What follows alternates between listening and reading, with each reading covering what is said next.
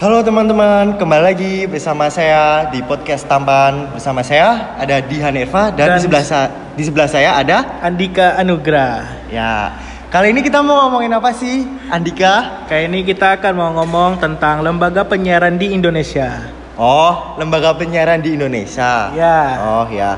Eh, mau aku sedikit jelasin lembaga penyiaran di Indonesia itu eh, menurut UU Penyiaran nomor 32 tahun 2002 itu terdapat empat jenis lembaga penyiaran yang diakui di Indonesia. Nah, kan ada empat nih. Eh, Dika boleh dong nanti ya nyebutin yang tiga ke tiga sama empatnya.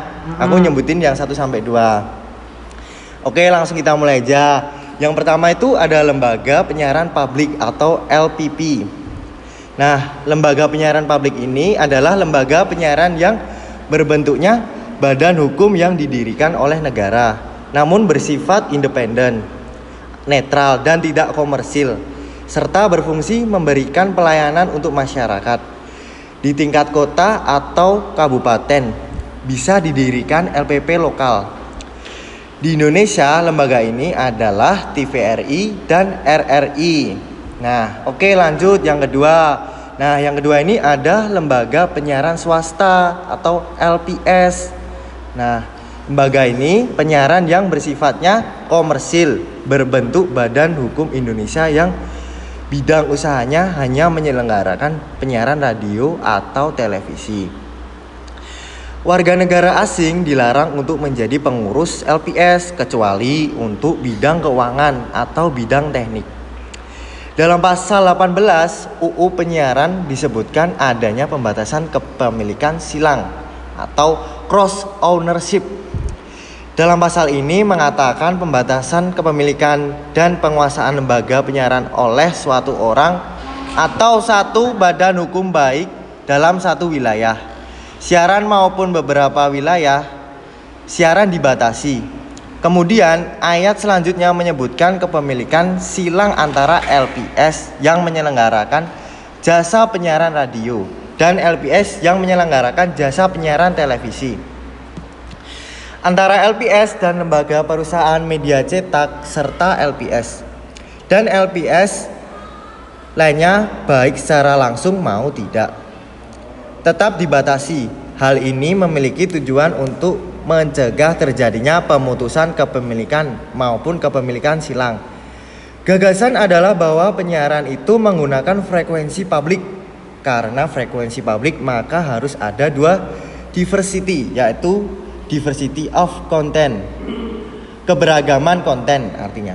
Dan diversity of ownership. Keberagaman kepemilikan.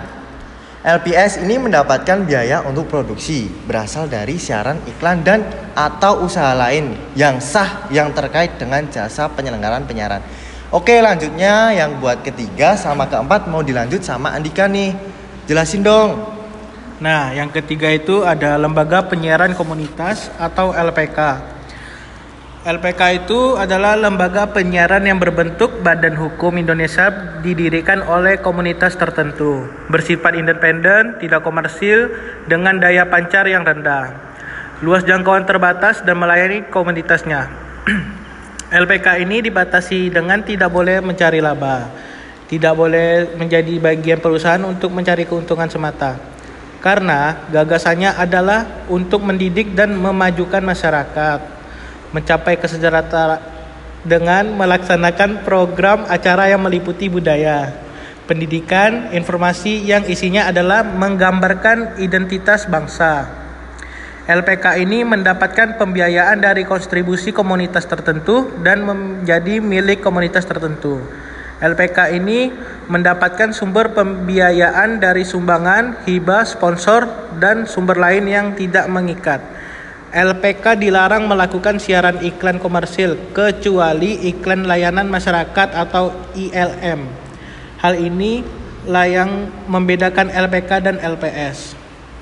Nah, yang terakhir ada lembaga penyiaran berlangganan.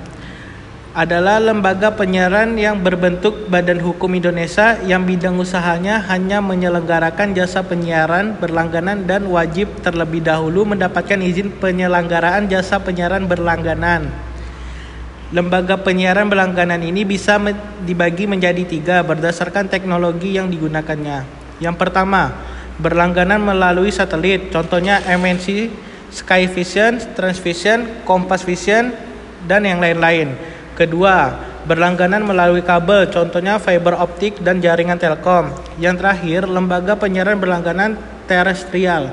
Jenis ketiga ini biasanya menggunakan gelombang radio melalui pemancar atau antena televisi. Nah, jadi seperti itu. Nah, eh, sekian podcast dari kami, podcast Si Tampans. Ya, eh, sekian dari kami. Bye bye.